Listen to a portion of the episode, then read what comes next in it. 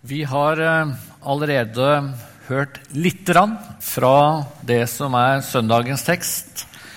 Det er altså de syv siste versene av Johannes kapittel 17. Og hele Johannes 17, hele dette kapittelet, er en bønn som Jesus ber. Den kalles ofte for Jesu ypperste prestlige bønn.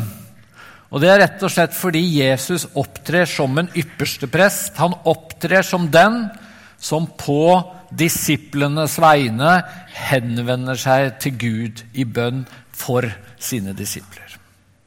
Så når vi nå begynner å lese, vi skal lese fra vers 20, så er det viktig å være klar over at vi går midt inn i en bønn som Jesus altså eh, ba, og det gjorde han da rett før han ble eh, tatt til fange og etter hvert korsfestet. Vi leser.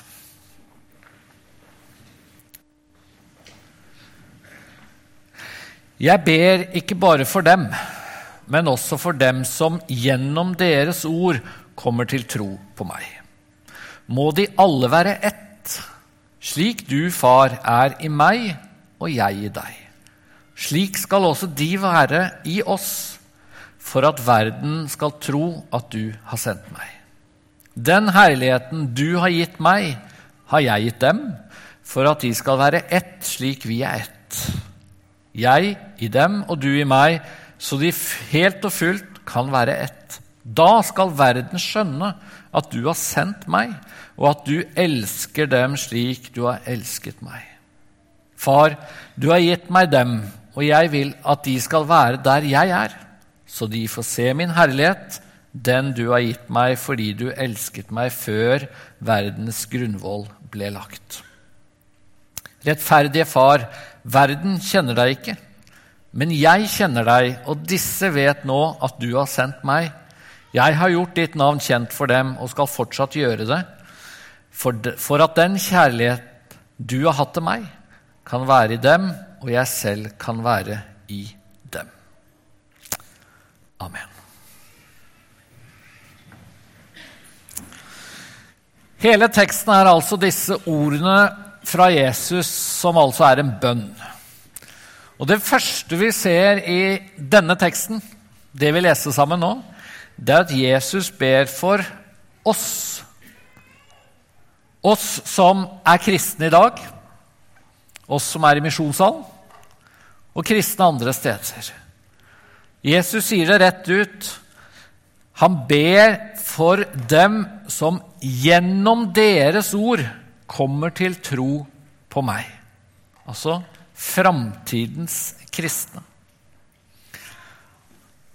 Fram til eh, vers 20, der vi startet å lese, så ba altså Jesus helt spesifikt for disiplene sine. Men her gjør han en liten endring. Her presiserer han at han ber for fremtidens kristne. For de som altså vil begynne å tro på Jesus fordi de hører apostlenes ord. Og Jeg tror at denne teksten sier noe viktig om forbønn. Jeg har tenkt på det noen dager. En del av dere vet godt hvem Egil Grandhagen er. Egil Grandhagen var i mange mange år generalsekretær i NLM. Nå har han blitt pensjonist.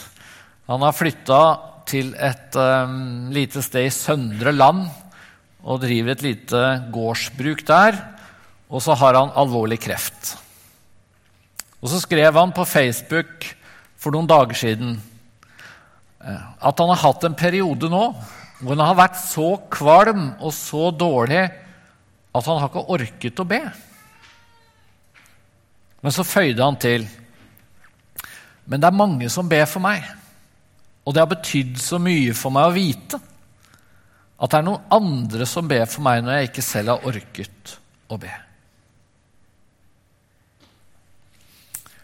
Og litt av det samme kan vi kanskje tenke om denne teksten. Jesus erklærer at han altså ber for oss. Og Jeg hadde lyst til å si det til den eh, som er her i dag og tenker at, at dette med bønn syns jeg er vanskelig. Dette med bønn orker jeg ikke alltid. Dette med bønn får jeg ikke til. Jesus går i forbønn for deg. Det har han sagt i den teksten som, som vi akkurat har lest.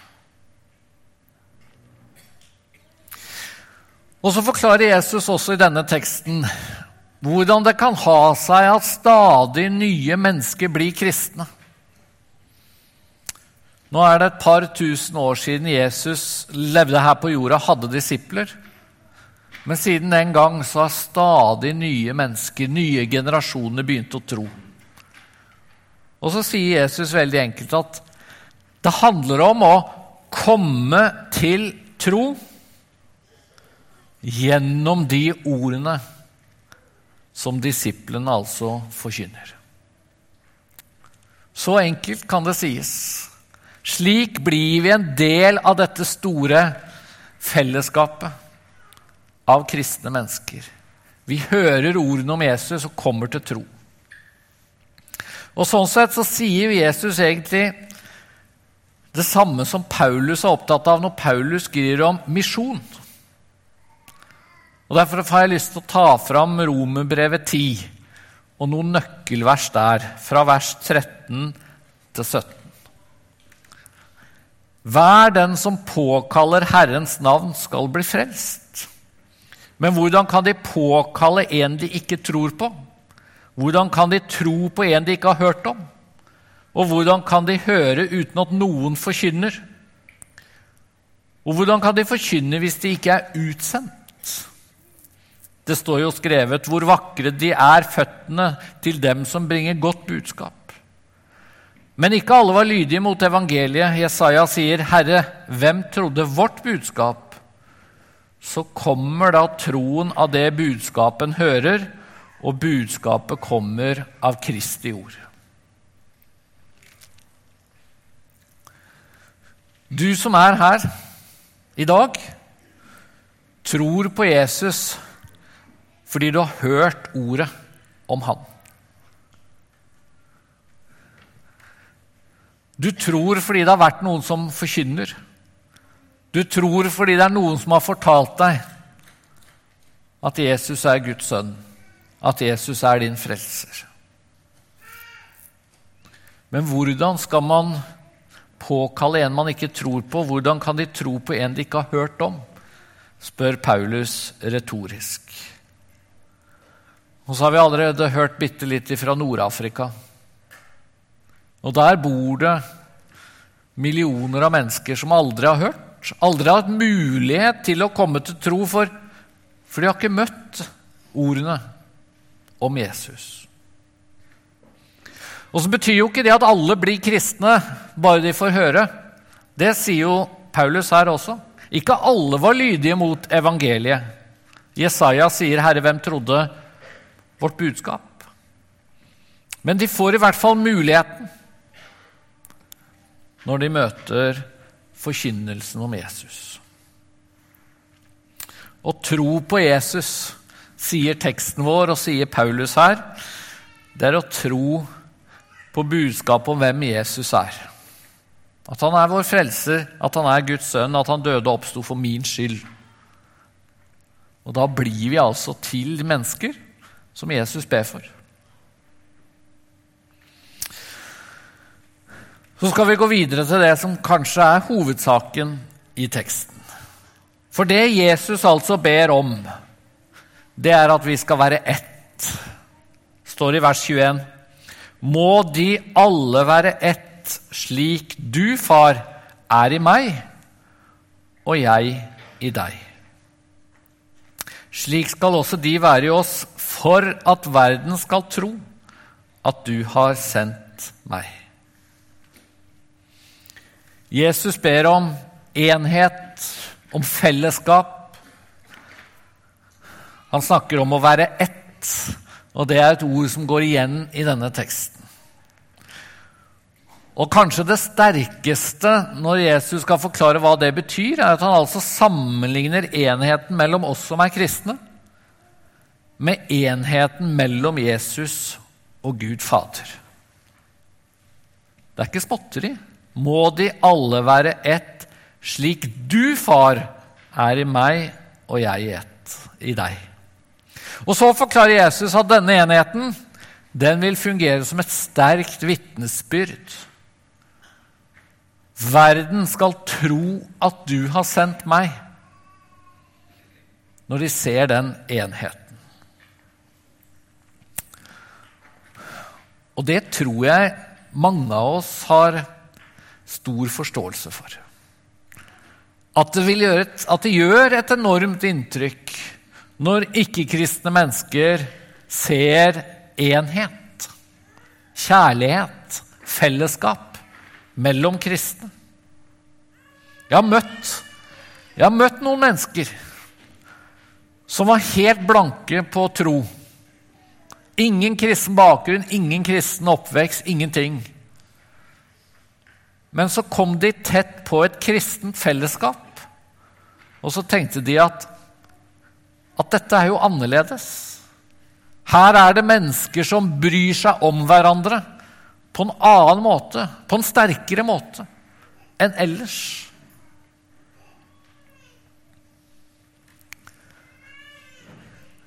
Og Det er altså en påminnelse til oss da, om at hvis vi viser kjærlighet til andre kristne, viser enhet til brødre og søstre, ja, så får det en ringvirkning. Det får betydning for de som ikke er del av fellesskap. Hva betyr det så å være ett? Hva betyr det å være opptatt av enhet og fellesskap?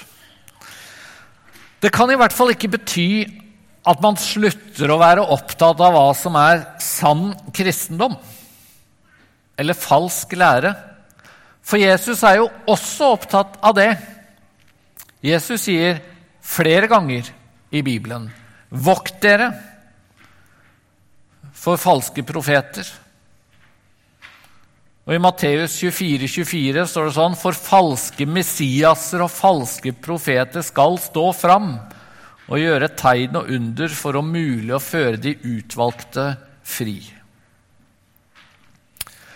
Så Jesus sier altså både i den teksten som er dagens tekst, at vi må være ett, men han advarer også mot falske Messiaser, falske profeter.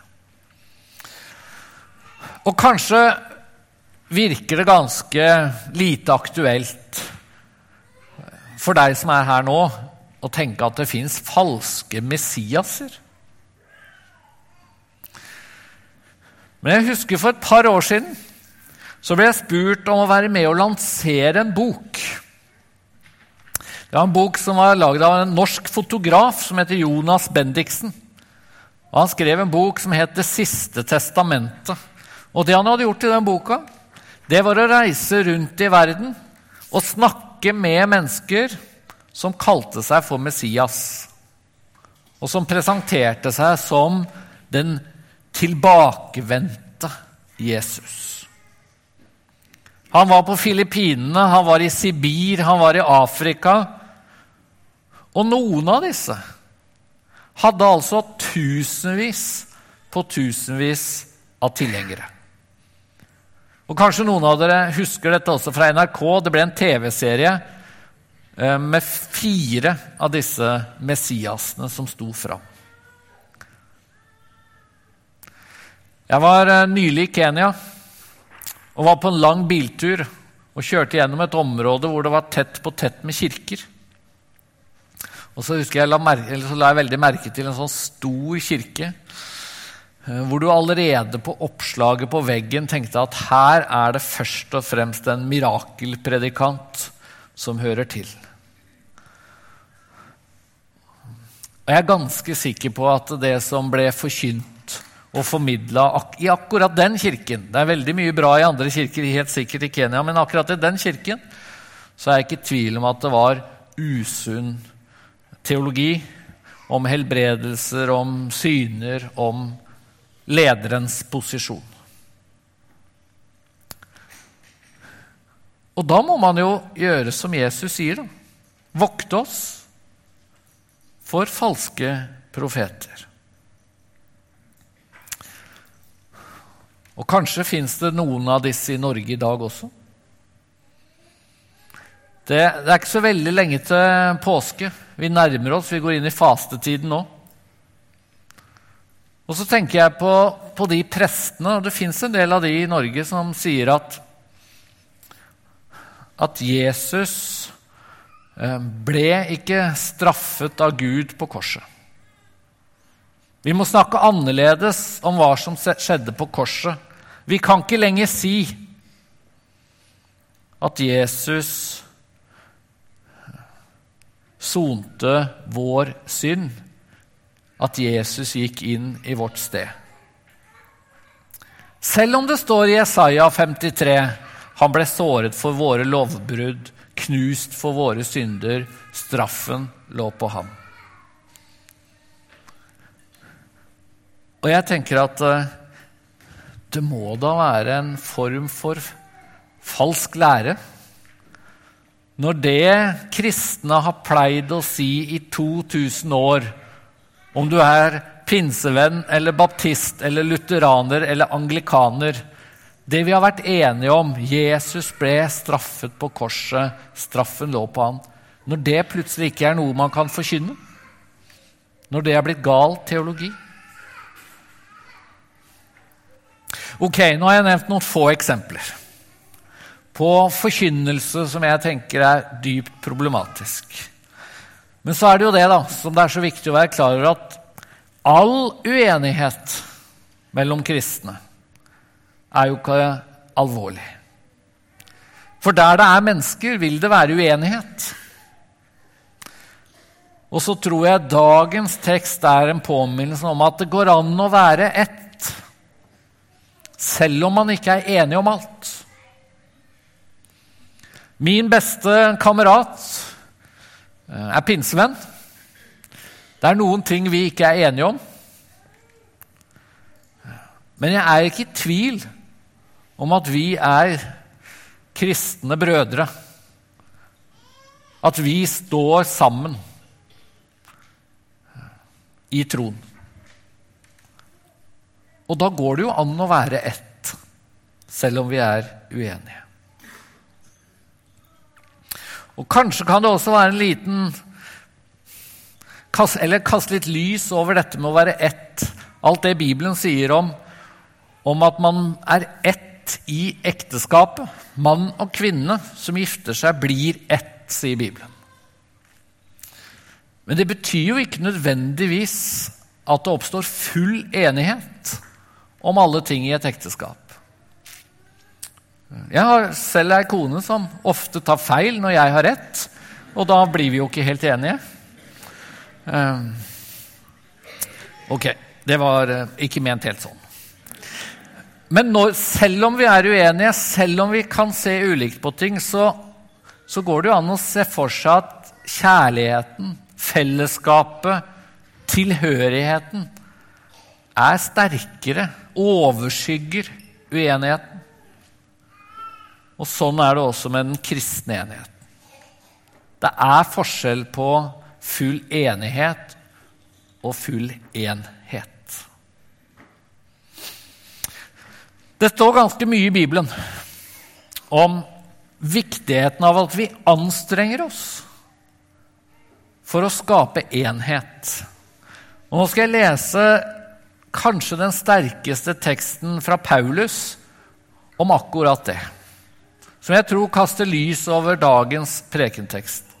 Efeserbrevet 4, fra vers 1, der står det sånn. Så formaner jeg dere, jeg som er fange for Herrens skyld, at dere lever et liv som er verdig det kallet dere har fått.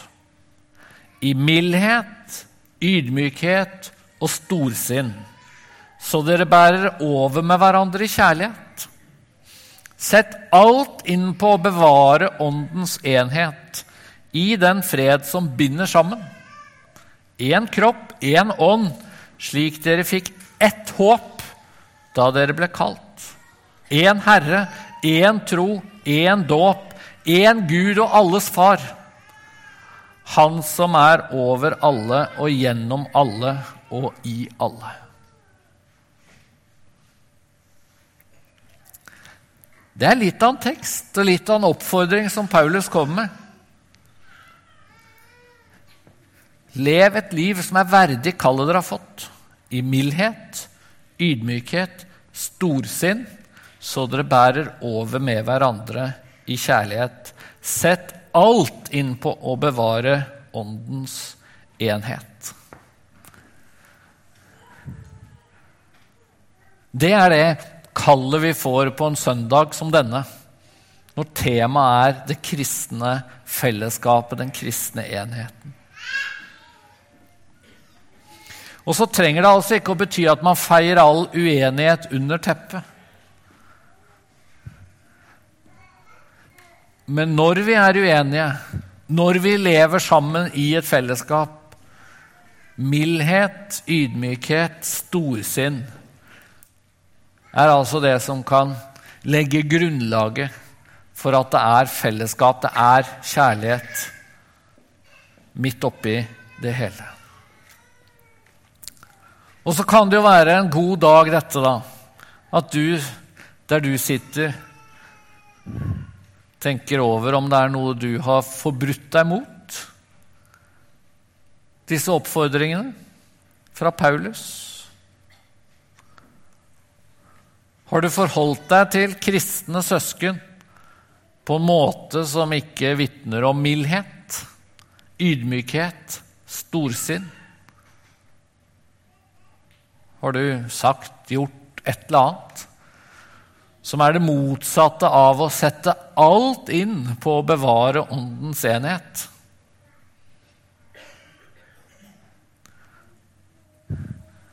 Ja, da kan det jo hende du har noe å be om tilgivelse for. Et lite oppgjør som du bør gjøre. Og sitter du her og tenker at nei, jeg har nok ikke så mye å beklage overfor andre, men han eller hun de burde nå ærlig talt kommet med en liten beklagelse. Så kan du jo ta til deg ordene 'bær over med hverandre' i kjærlighet.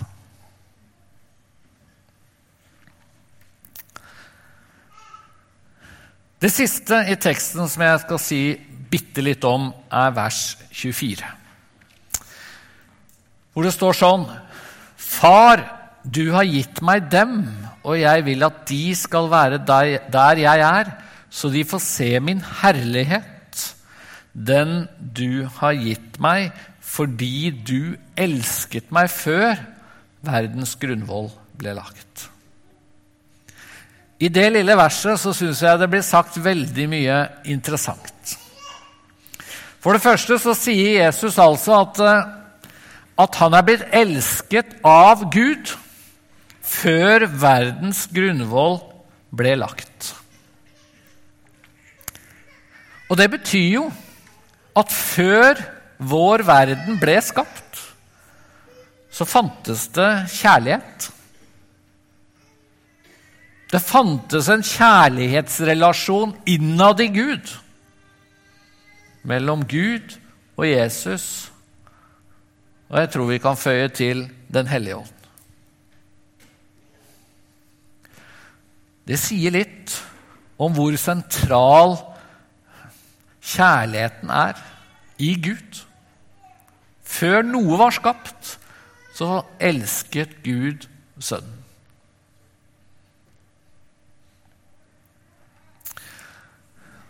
Guds kjærlighet, den er evig. For Gud har fra evigheten av vært en treende Gud. Og dette er én av mange tekster i Bibelen som, som kaster et lys over hvem Jesus virkelig er. Iblant så møter jeg mennesker som spør hvor tydelig er det egentlig i Bibelen at, at det fins en treenighet? Og Noen har kanskje hørt noen som sier at treenigheten var ikke det noe som ble oppfunnet på 300-tallet. eller et eller annet sånt. Men her er altså én tekst, og det fins mange andre, som viser at det å si at Jesus bare var en åndsfylt profet eller en særlig stor profet eller noe sånt. Det stemmer ikke. Jesus var før verdens grunnvoll ble lagt. Og han sto altså i en relasjon med Gud. Og så ber han altså i verset vi leste, vers 24, at vi skal få se min herlighet, sier Jesus. Og Det er et slags grunnbudskap gjennom hele Johannes 17. Det står utrolig mange ganger om herlighet, eller å bli herliggjort, eller om Guds herlighet. Så hva betyr det? Å se Guds herlighet.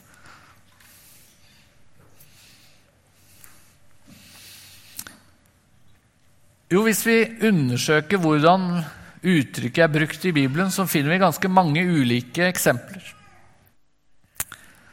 I Johannes, 1, nei, Johannes 17, altså det første verset i kapittelet, der Jesus starter sin bønn, så sier han Far, timen er kommet, herliggjør din sønn, så sønnen kan herliggjøre deg. Og det må jo bety, da, for dette skjer jo rett før Jesus blir arrestert og etter hvert korsfesta, at når Jesus henger der på korset, så blir han herliggjort. Og etterpå så står han opp og blir også herliggjort. Så kanskje kan vi si at, at når Jesus viser hvem han er, at han er den som kan vinne over synd og død når vi ser hans makt, hans godhet, hans storhet, da, da ser vi også hans herlighet. Og det er det han ber om, at vi skal få se. Se hvem han virkelig er. Amen.